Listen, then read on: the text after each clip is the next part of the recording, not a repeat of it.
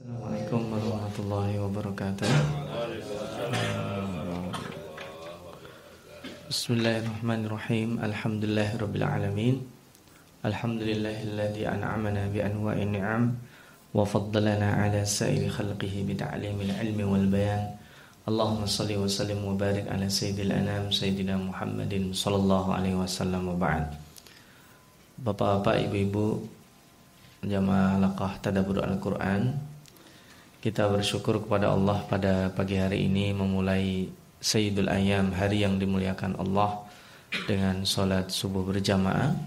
Mudah-mudahan kebaikan yang Allah mudahkan pada hari ini Allah lanjutkan dengan menjaga kita dengan istiqomahan. Allahumma amin. Insya Allah pada kesempatan kali ini kita masih melanjutkan kajian surat Al-Baqarah dan temanya masih berkaitan dengan tema keluarga, wabil khusus solusi masalah yang ada ketika harus ada perceraian. Insya Allah kita akan membahas uh, lanjutan ayat 230 kemarin ya. Insya Allah kita hanya membahas tiga ayat saja, uh, yaitu ayat 231 sampai 232. Kemarin sekedar memberikan uh, ringkasan yang telah kita bahas pada pertemuan sebelumnya bahwa talak yang bisa dirujuk itu dua kali.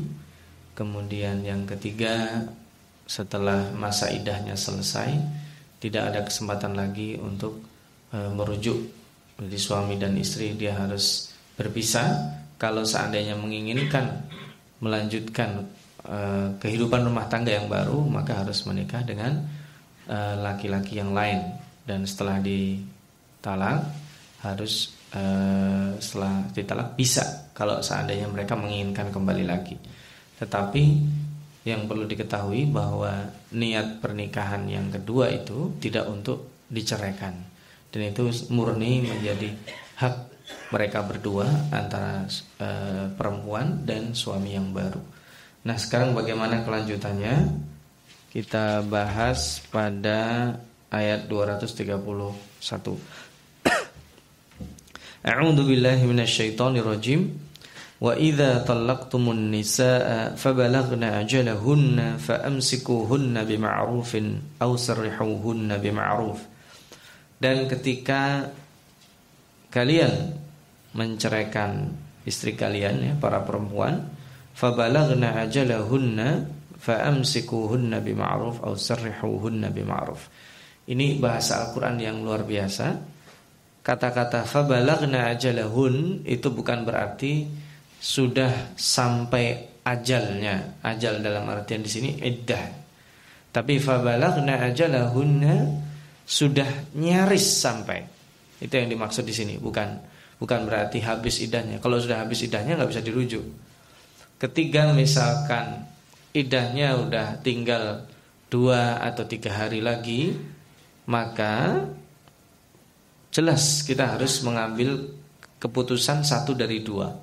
Wa amsikuhun nabi ma'ruf, fa amsikuhun nabi ma'ruf itu dipertahankan, artinya dirujuk kembali sebagai istrinya.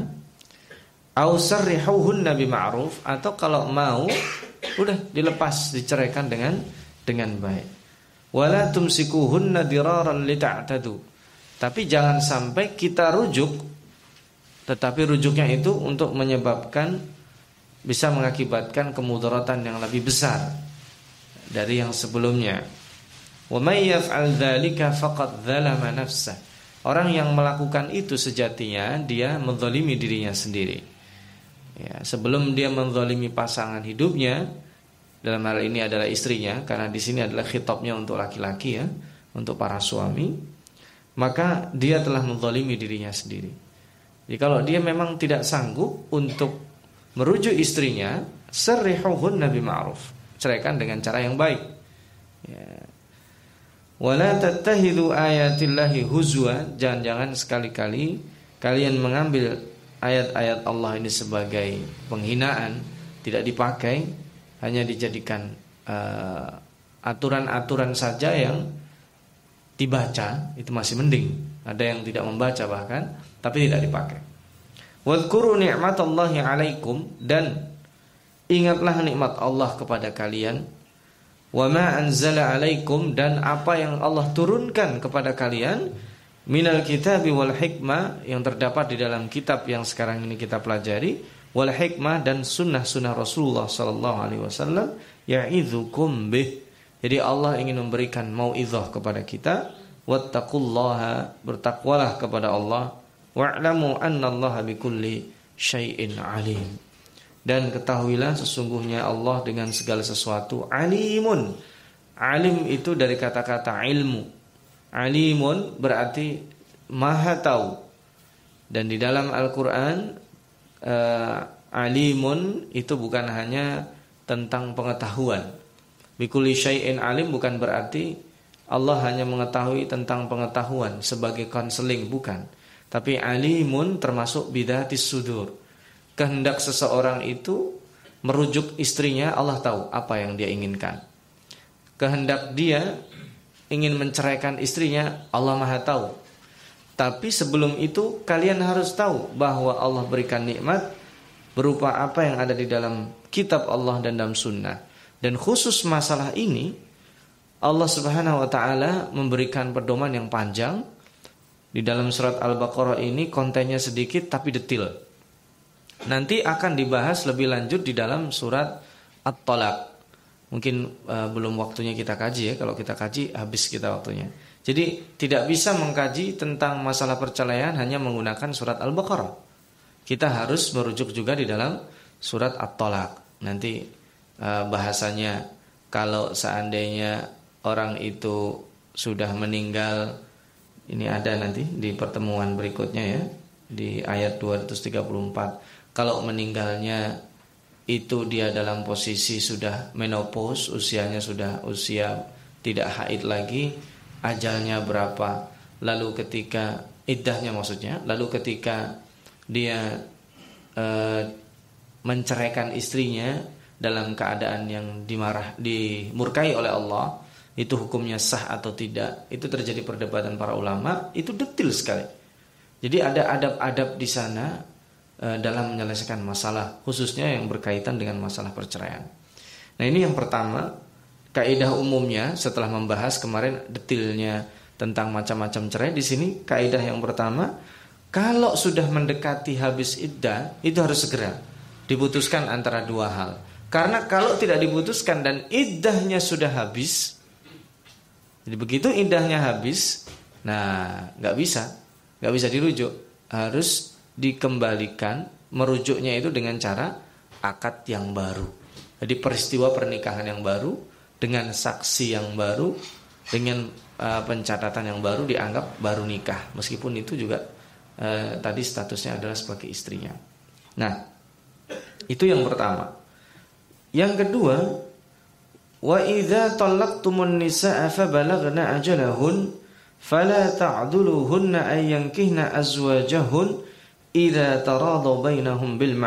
Nah, yang pertama tadi itu untuk para suami, yang kedua itu adalah untuk uh, wali. Ya, wali atau untuk keluarga besar. Dan ketika kalian menceraikan istri-istri kalian atau para perempuan, fabalagna ajalahun sama di sini ya. Fabalagna itu adalah nyaris habis iddahnya Fala ta'duluhunna ayyankihna azwajahun. Jadi tidak boleh kita halang-halangi dia menikah dengan is uh, dengan maaf dengan suami mereka yang pertama. Jadi kalau seandainya seorang istri yang habis dicerai kemudian ketika mau habis iddahnya itu akan dirujuk. Itu kita nggak boleh menghalang-halangi dari keluarga besarnya. Biasanya kan kita terlalu dalam ikut campurnya. Kalau mereka mengatakan idza taradau bainahum bil ma'ruf itu mereka sudah rela, sudah mulai uh, ada solusi. Taradau bil ma'ruf itu kita nggak boleh. Dan di sini bahasanya adalah kalau di dalam bahasa bahasa bukan hanya bahasa Arab dari sisi susunan bahasa itu nggak tepat sebenarnya. Coba kita lihat fala ta'duluhunna ayyankihna azwajahun. Loh, kok menikahi suaminya?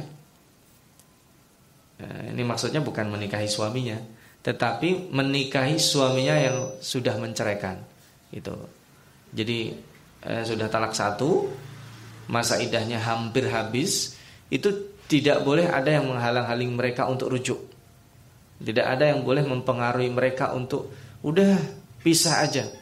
Jadi keputusannya murni akan diambil mereka berdua, tetapi tentunya tetap menggunakan kalau di dalam surat An-Nisa itu tetap menggunakan hakaman min ahlihi wa hakaman min ahliha. Itu yang disebut dengan uh, apa? perantara, mediator dari pihak keluarga laki-laki dan dari pihak keluarga perempuan. Tetapi kaidahnya, jadi kita tetap menggunakan ayat lain untuk menafsirkan ini. Iyurida islahan yuwaffiqillah bainahuma. Kalau mereka berdua, berdua ini bukan hanya suami istri ya, pihak keluarga laki-laki dan pihak keluarga perempuan yurida islahan, menginginkan islah, maka yuwaffiqillahu bainahuma dan pasti Allah berikan taufik. Nah, ini karena di dalam surat An-Nisa itu tidak menut, tidak dibuka kemungkinan cerainya, itu sampai ayat ini ditutup. Nah, kenapa? Karena di sini terjadinya peristiwa perceraian itu murni antara mereka berdua. Jadi antara suami dan antara istri ada masalah internal. Jadi itu biasanya ujungnya islah itu lebih memungkinkan. Tapi nanti kalau ada keterkaitan dengan pihak ketiga seperti yang disebut di dalam 128, jadi itu nanti judulnya, judul besarnya itu nusus. Nusus itu adalah eh, apa artinya ya? Nusus itu sering diartikan pembangkangan. Padahal nusus itu ada artinya hal-hal yang mengganggu atau dalam bahasa sekarang disharmonisasi. Kalau itu disharmonisasi atau nusus itu disebabkan istri, biasanya itu relatif ujungnya lebih mudah menyelesaikan. Apalagi tanpa ada masuk pihak lain. Itu bisa dilihat di dalam surat Al-An-Nisa ayat 33, 34, 35 ya. Nanti bisa dicek. Kemudian kalau melibatkan orang lain jadi wa ini mra'atun khafat min ba'liha nusuzan itu An-Nisa 128 au i'radan. Nah, kalau bukan hanya nusus di sini, i'rad itu sudah bahasa sekarang sudah nggak cinta lagi sama istrinya. Bahasa sekarang dia sudah melirik perempuan yang lain. Nah, itu biasanya ada dua solusinya. Iyurida islahan itu ketik uh, maaf wasulhu khair damai itu lebih dikedepankan. Jadi ketika ada masalah yang mengarah kepada perceraian itu diutamakan berdamai. Tapi di sini di dalam yang kedua tadi ketika melibatkan pihak lain nah, Allah memberikan peluang untuk terbukanya pintu perceraian. Wa iya tafarraqa kalau mereka memutuskan untuk bercerai yughnillahu kullam min saatih. Allah akan memberikan rizki bagi mereka berdua, akan memberikan solusi bagi mereka berdua. Nah, ini secara teori kalau kita bahas secara tematik masalah pernikahan eh, masalah perceraian saja itu banyak. Nah, ini filosofinya di dua ini eh, teknisnya di dalam surat At-Talaq. Tapi yang menarik di dalam surat Al-Baqarah di ayat selanjutnya nanti akan dibahas tentang bagaimana kalau peristiwa perceraian itu masih ada anak balita. Nah, masih ada anak di bawah usia 2 tahun, bukan hanya balita itu 5 tahun di sini yaitu usia menyusui. Nanti insya Allah kita bahas ya. Nah, ketika mereka memutuskan untuk menikah lagi, apa kata Allah? Dzalika yu'adu bihi man kana minkum yu'minu billahi wal yaumil akhir. Itu karena Allah Subhanahu wa taala mau idoh yang diberikan di dalam Alkitab dan Al-Hikmah yang tadi kita bicarakan, yu'minu billahi wal yaumil akhir. Bisa diambil bagi orang yang percaya kepada Allah dan hari akhir. Jadi gini, perceraian itu tidak mutlak pasti terjadi antara orang-orang yang pemahaman agamanya tidak baik. Nah, itu harus dipahami. Jadi kita kadang identiknya gini, kalau ada peristiwa perceraian, itu langsung di otak kita, nah itu suami dan istrinya pasti nggak paham agama, gitu ya. Kalau ada peristiwa perceraian itu, ah itu pasti mereka kurang pendidikan, tidak terdidik lah bahasa kasarnya. Tidak gitu. Standar seseorang itu harmonis atau tidak, itu tidak dikaitkan dengan itu. Karena namanya ini cobaan, suatu ketika bisa menimpa orang yang paling soleh di antara kita. Tempo hari Al-Fakir pernah menceritakan ada seorang alim yang tiba-tiba menceraikan istrinya, kaget para muridnya. Padahal dia dikenal sebagai tokoh dan bahkan sangat harmonis hidupnya tiba-tiba menceraikan istrinya. Dan ditanya, "Kenapa Anda menceraikan istri Anda?" E, ditanya Pak muridnya bertanya. Alim ini dengan sedikit bukan marah, e, dengan Mbak sedikit Arif mengatakan, "Apa hak Anda ingin mengetahui aib keluarga saya?" Ini statusnya masih istri saya, kenapa Anda tanyakan? Ayo mereka menunggu sampai peristiwa perceraian terjadi, tapi setelah terjadi peristiwa perceraian, kenapa Anda menceraikan mantan istri Anda? Oh maaf, dia sekarang statusnya adalah uh, al-ajnabiyah. Statusnya sama dengan perempuan muslimah lainnya. Hak saya adalah menutup aibnya. Jadi itu idealnya. Tidak ada yang tahu kecuali mereka berdua dan orang-orang yang terkait di dalamnya. Jadi ini Dzalika yu'adu bihi man kana minkum yu'minu billahi wal yaumil akhir. Itu tidak ada kaitannya orang itu alim. Tidak ada kaitannya orang itu tidak punya ilmu. Tidak ada kaitannya ini orang tidak mempunyai wawasan, tapi itu adalah cobaan yang terjadi di dalam uh, hubungan rumah tangga. Kalau ada ada yang mengarah kepada perceraian. Tetapi kalau orang itu beriman kepada Allah dan hari akhir, solusinya ada. Itu satu. Yang kedua, Al-Fakir ingin kembali ke atas. Jadi ini sama-sama akhir ayat supaya kita tahu kenapa Allah mengatakan ni'matallahi 'alaikum. Kenapa kita disuruh mengingat nikmat Allah kepada kita dan apa yang turun dalam Al-Qur'an. Kita ingat di dalam ayat pernikahan yang sering dibaca, ya kan? Min ayatihi an khalaqalakum min anfusikum azwaja. Itu selalu dibahas. Kenapa disebut wa min ayatihi? Di antara tanda-tanda kekuasaan karena ini terjadi antara dua orang yang serba berbeda. Mungkin yang menyamakan akidah aja, karena itu syarat utama. Yang lain serba berbeda. Kalau namanya suami istri itu yang pasti satunya harus laki-laki dan satunya perempuan. Kalau ada pasangan yang sama-sama perempuan atau sama-sama laki-laki itu bukan tanda-tanda kekuasaan Allah. Kenapa? Ini dari yang serba berbeda bisa disatukan Allah. Berbeda fisiknya. Kemudian yang kedua, berbeda latar belakangnya. Tidak boleh itu bersaudara mereka. Kakak beradik menikah, nggak boleh. Paling dekat itu sepupu, itu pun tidak dianjurkan sebenarnya. Jadi makin jauh itu makin bagus. Dan makin jauh seseorang itu makin menjadi tanda-tanda kekuasaan Allah. Si A rumahnya di sini, si B rumahnya di mana. Mereka bahkan tidak pernah tahu kalau itu adalah jodohnya kecuali ya kan ini relatif ya. Ada orang yang sudah berusaha menikahinya bertahun-tahun eh ternyata nggak bisa juga. Eh ada yang baru ketemu nggak sengaja tiba-tiba keluarganya sepakat nikah bulan depan. Ada yang kayak gitu ya. Itu rahasia Allah. Wa min ayatihi. Dan tidak melulu yang namanya harmonisasi atau disharmonisasi itu ada kaitannya dengan penjajakan sebelum nikah. Belum tentu. Itu adalah rahasia Allah. Ada orang yang sudah kata bahasa sekarang pacaran sudah bertahun-tahun, ternyata nggak kenal. Kenapa? Lah karena ketika pacaran itu kan banyak hal yang terhalangi.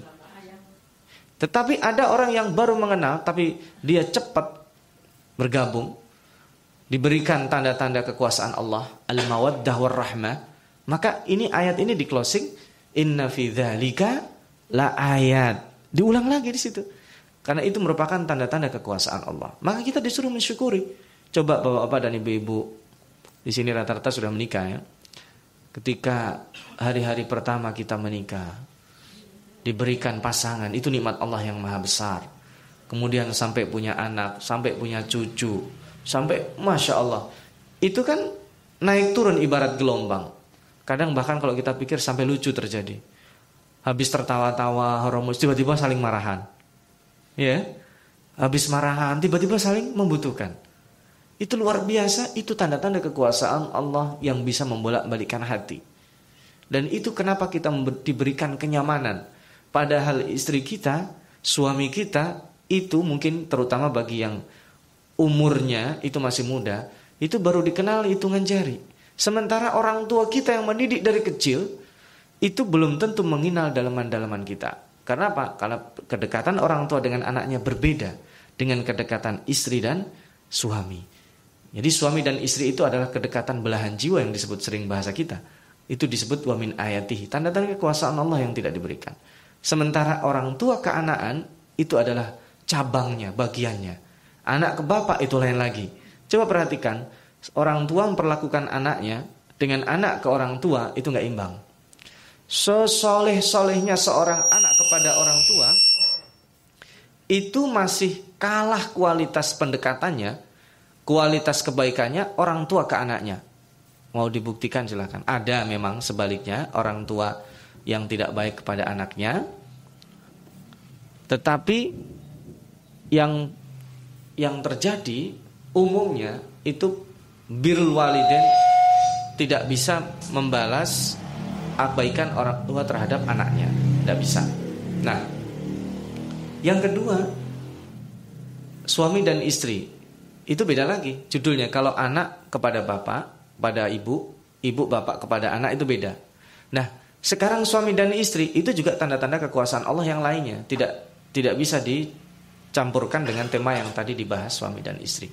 Nah, ini makanya sekarang dibahas ketika tadi ada hubungannya yu'minu billahi wal yaumil akhir ditambah oleh Allah dzalika dzalikum azkalakum wa adhar dan yang demikian itu menjadi azka di sini bukan berarti lebih suci dan uh, azkalakum lebih mentazkiyah diri kita bukan tetapi yang dimaksud azka di sini adalah langkah yang membuat seseorang itu tidak melakukan kezaliman jadi kalau peristiwa perceraian itu dilakukan dengan baik-baik, maka akan bersih jiwa itu.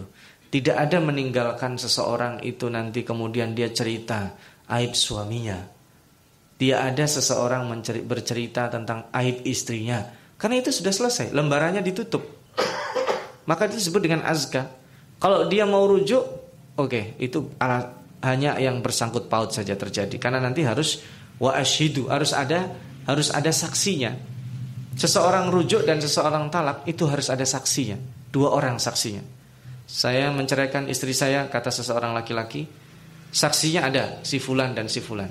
Saya merujuk istri saya, jadi dirujuk lagi, masa idahnya sudah hampir selesai, saksinya fulan dan si fulan. Diutamakan saksinya dari keluarga, karena supaya tidak keluar uh, apa cerita yang tidak tidak keluar. Tapi beda dengan sekarang peristiwa perceraian itu lebih sering menjadi konsumsi publik. Nah, itu yang bisa jadi dilaknat oleh Allah SWT. Sama halnya, mohon maaf, ada hadis kan ya. Kalau seseorang menceritakan apa yang terjadi hubungan suami istri keluar dari situ, maka itu juga termasuk sesuatu yang dilaknat oleh Allah. Loh ini kan istri dan suami saya, ya sama aja, kecuali untuk kebutuhan konsultasi. Jadi kalau diceritakan, diumbar, itu kan peristiwa yang sangat-sangat internal. Dan diceritakan juga bahkan sampai malaikat pun tidak mendekati kita. Ketika kita mendatangi istri kita, berhubungan dengan pasangan hidup kita, itu bahkan malaikat pun menjauh. Karena itu adalah tanda-tanda kekuasaan Allah yang diberikan sekaligus wadhkuru ni'matallahi alaikum. Di situ kenikmatan dan ibadah yang Allah berikan kepada kita. Jadi azka wa adhar itu adalah hubungannya bahwa kita sebisa mungkin meninggalkan itu. Itu sudah jadi peristiwa masa lalu. Dan sebagaimana peristiwa yang lainnya, maka perceraian itu sama. Kalau orang itu yukmin billahi wal yaumil akhir, itu azka wa athar. Kemudian dikatakan wallahu ya'lamu wa antum la ta'lamun. Ini. Jadi Allah itu Maha tahu. Kenapa bahasanya ya'lam? Tidak misalkan wallahu alimun. Tadi Allah sudah tahu. Penekanannya itu bikuli syai'in dengan detil-detilnya tadi. Yang menyebabkan peristiwanya apa nanti setelah itu terjadi itu bikuli syai'in alim. Sementara ini wallahu ya'lamu wa antum la ta'lamun. Kita melihat itu adalah hal yang buruk tetapi kita nggak tahu. Allah uh, maha tahu. Nah ini yang terakhir teknisnya sekarang wal walidatu yurdina auladahun nah sekarang kalau yang dicerai itu adalah ibu-ibu menyusui perempuan menyusui dicerai sama suaminya. Gimana nih? Yurdina auladahunna haulaini kamilai. Kalau mereka berdua sepakat, terutama yang menyusui ya, paling utama ibunya dulu. Ketika dicerai suaminya, dia ingin menyusui, menyempurnakan berapa? Dua tahun misalnya. Nah itu dianjurkan ya. Liman arada ayyutim Ini disebut di dalam Al-Quran. Karena ada yang tidak menginginkan. Atau misalkan suaminya negosiasi udahlah nggak usah. Yang nyusui nggak usah. Nggak usah situ. Karena sudah bukan istri saya lagi katanya. Ini saya ambil anaknya. Dan setelah dibicarakan hak asuhnya karena mungkin ya bisa jadi peristiwa itu terjadi karena perempuannya tidak perhatian kepada anak dan suaminya. Nah dia mengambil alih dan bisa disusuin sama orang lain makanya ini bahasanya liman arada ayyutim nah, tapi yang paling utama di situ adalah sang ibu karena dia yang menyusui bapak mah nggak bisa nyusuin ya nah Wa 'alal mauludi rizqun alaihi wa 'alal mauludi lahu rizquhun. Dan anaknya itu punya hak mendapatkan rizki dari bapaknya yang menceraikan ibunya. Wa kiswatuhunna bil ma'ruf dan termasuk pakaiannya. Jadi gini, ketika seorang menceraikan istrinya dan itu cerainya sudah cerai tidak tidak rujuk lagi, artinya tidak balik lagi ya, sudah cerai satu, cerai dua, ini cerai ketiga kemudian dicerai ketika ini dia punya anak, maka itu nanti harus ada omongan bahwa ini anaknya di ya, selama menyusui itu ada upahnya, kasarnya. Kemudian di sini coba lihat lahu rizquhunna wa kiswatuhunna bil ma'ruf. Jadi mendapatkan rizki, rizki dalam artian mungkin pangan dan tempat tinggal, kiswah. Kiswah itu baju. Gitu. Ya tapi jangan lalu wah saya ingin seminggu sekali ganti baju misalnya. Wah itu parah juga. Jadi di sini disesuaikan kemampuan. Nanti ada ada ada kata ininya, ada kata kuncinya. Coba lihat. La tukallafu nafsun illa wus'aha. Itu disesuaikan dengan kemampuan. Lah kalau suami yang menceraikannya itu kemampuan ekonominya seperti itu, maka jangan diberatkan kepada hal-hal yang melebihi kemampuan dia. La tudar walidatun biwaladiha wala mauludul lahu biwaladih. Jadi di sini kaidahnya akibat peristiwa perceraian itu jangan sampai mengakibatkan seorang ibu itu menjadi berat. Ya, menyusui itu kelihatannya begitu berat. Saya kira kalau bapak-bapak ingin tahu menyusuin itu dibuktikan, bisa dibuktikan ketika ibu sang bayi ini pergi eh, dalam jangka waktu 6 jam misalnya. Kalau 2 jam masih 6 jam. Di atas 6 jam itu baru ketahuan betapa betapa menyusui itu berat. Nah, apalagi kalau keterkaitan anaknya ini dengan ibunya sangat sangat kuat atau awal-awal dia belum pernah mendapatkan susu tambahan. Itu berat. Nah, makanya di situ la tudhor bahasanya. Jangan sampai terjadi maldharat akibat perceraian ini bagi sang ibu. Nah, wala mauludullahu biwaladihi juga demikian bagi bapaknya yang menceraikan istrinya atau ibu atau anak kecilnya atau wa'alal warithi mislu dhalik juga para ahli warisnya juga demikian tidak dibebani yang uh, melebihi kemampuan mereka. Tapi nah ini dia, coba lihat. Fa in arada fisalan antara minhuma wa tashawurin fala junaha alaihima. Nah, kalau mereka ingin uh, tidak menyempurnakan itu bisa juga. Wa in aradtum an tastardi'u auladakum fala junaha alaikum idza sallamtum ma ataitum bil ma'ruf. Tadi in case dia tidak mau menyusui. Ya kan? Berarti dia harus mencarikan ibu susuan. Nah, atau kalau tidak dicarikan ibu susuan, ya bahasa sekarang dia harus membelikan susu tambahan. Nah, ya tapi juga jangan dipaksain. Ini mereknya kalau bisa yang yang merek si A, yang paling mahal supaya untuk pertumbuhan belum tentu. Atau juga jangan terlalu ngirit karena ingin pelit dia ambil kualitas susu tambahan yang paling murah. Jadi ambil yang tengah-tengahnya sesuai dengan kemampuannya karena tadi tidak ditaklifkan melebihi kemampuan ya. Wattaqullah, ingat Allah selalu mengingatkan kita dalam peristiwa apa pun juga itu ada wattaqullaha wa'lamu annallaha bima ta'maluna basir. Ini penting.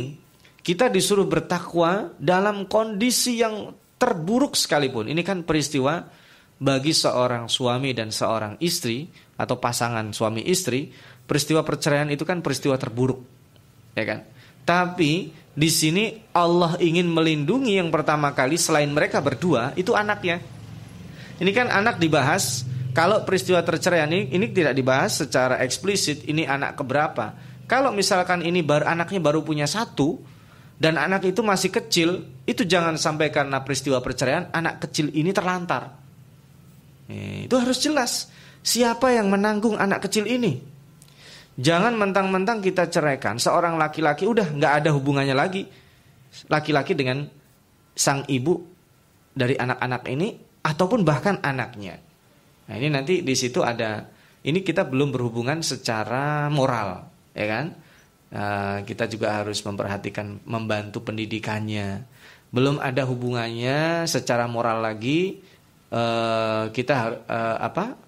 ikut membesarkan bagaimana supaya anak ini ketika terjadi peristiwa perceraian itu efek psikisnya tidak ada. Dan itu memang uh, sebuah resiko ya ketika terjadi peristiwa perceraian dan ada anak. Nah, itu uh, lebih berat dibanding ketika peristiwa perceraian belum ada anak. Makanya nanti di dalam Al-Qur'an eh di dalam eh, tata cara dan kaidah-kaidah perceraian sendiri itu ada yang tidak boleh di eh, disepelekan. Misalkan menceraikan istri dalam keadaan haid, itu tidak diperbolehkan. Kan baru sudah dibahas ya. Karena menyakiti di saat fisiknya sakit. Menceraikan istrinya, mohon maaf setelah berhubungan badan. Nauzubillah min itu uh, ibarat seseorang tidak tahu tidak tahu diri. Sudah diberikan habis itu di, dibuang. Itu juga tidak boleh. Meskipun nanti jatuh talak juga tetapi itu tidak etis. Nah, menceraikan dalam keadaan yang tepat. Nah dan istilahnya kan itu kan musyawarah peristiwanya. Coba lihat bahasanya di sini. Di sini kan ada kata-kata wa in arada fisalan antaradin ya kan setelah antaradin minhuma apa? Watashawurin. Tasyawur itu meliputi asyura wal istisyarah. Apa bedanya? Istisyarah itu kita konsultasi. Asyura itu berembuk. Berarti bisa jadi melibatkan. Karena di sini tadi kan bukan hanya suami dan istri, keluarga. Ya kan? Karena di sini membicarakan wa alal warithi. Nah, itu kan namanya waris itu kan bukan suami istri saja. Dan nanti bahkan di dalam surat At-Talaq itu masih panjang ya, itu luar biasa. Allah sampai perlu menurunkan pembahasan ini lebih detail lagi di dalam surat At-Talaq. Uh, dan nanti bagaimana kalau uh, dia itu orangnya sudah tua? Siapa yang menanggung uh, perempuannya ini sudah tua nggak punya keluarga? Siapa yang mau menanggung as-sukna uh, tempat tinggalnya dan dalam keadaan masih bisa dirujuk itu kewajibannya apa saja. Terus ketika seseorang ini bercerai seperti apa tata cara persaksiannya. Itu detil-detil disebut di dalam surat At-Tolak dan didahului dengan uh, anjuran untuk bertakwa. Nanti coba kalau Bapak-bapak nanti pulang bisa dikaji lagi surat At-Tolak itu luar biasa. Uh, panduan seseorang kalau aturan-aturan sedetil itu kita jadi berpikir seburuk-buruk kita punya hubungan dengan pasangan hidup kita, solusi ini tidak pernah terfikir dalam benak kita. Itu kan harusnya gitu ya. Nah, kalaupun terpaksa, kita akan kembali mangkana yu'minu billahi wal yaumil akhir. Kita percaya takdir bahwa ini adalah cobaan. Ini tidak ada hubungannya orang ini terdidik atau tidak sekali lagi. Peristiwa perceraian tidak ada hubungannya antara orang ini orang uh, punya ilmunya tinggi atau tidak peristiwa ini terjadi uh, tidak ada hubungannya dengan dia orang yang terkenal atau tidak. Peristiwa ini terjadi tidak ada hubungannya bahwa dia sudah mengenal istrinya sekian tahun. Kan ada ada nggak orang-orang sudah menikah 50 tahun bercerai? Bisa jadi. Dan kita kadang sudah punya cucu bercerai, ada kan? Nah, ini rahasia Allah yang kita tidak tahu. Dan kita juga tidak berharap atau saya tidak mau bercerai apa pun terjadi itu juga nggak bisa karena itu adalah salah satu solusi masalah meskipun itu adalah akhir dari solusi yang diinginkan. Kalau kita kembali wadhkuru ni'matallah itu akan ingat surat Ar-Rum 21 tadi. Dan kalau membahas surat ini teknisnya tadi sudah ini teknis baru satu ya kalau anak itu menyusui. Nanti kemarin kita sudah membahas kalau itu idahnya perempuan biasa thalathata kuru itu detil-detil dalam buku fikih sudah dibahas. Al-Fakir tidak membahas, kemarin juga kita sudah sekilas menyinggung ya kaidahnya. Nanti pada pertemuan selanjutnya akan dibahas lagi kalau ini meninggal suaminya cerai mati ya. Kalau ini kan mohon maaf, cerai hidup sekarang kita bahas. Kalau pekan depan uh, jika ada umur kita disambung oleh Allah Subhanahu wa taala, kita bahas kalau seseorang itu cerai dalam keadaan uh, meninggal suaminya. Kalau suaminya meninggal, uh, itu bagaimana istrinya dan bagaimana kalau akan terjadi pernikahan berikutnya seseorang yang ingin menyampaikan keinginannya menikahinya seperti apa etikanya itu diatur dalam ayat berikutnya. Ini mungkin sementara yang bisa kita sampaikan nanti beberapa menit sebelum kita tutup kalau seandainya ada yang mau didiskusikan. Aku lu hada Jalan Allah iyyakum minal ladina yastami'una al-qawla fayattabi'una ahsana. Mohon maaf jika ada kekurangan. Wa jazakumullah khairan. Wassalamualaikum warahmatullahi wabarakatuh.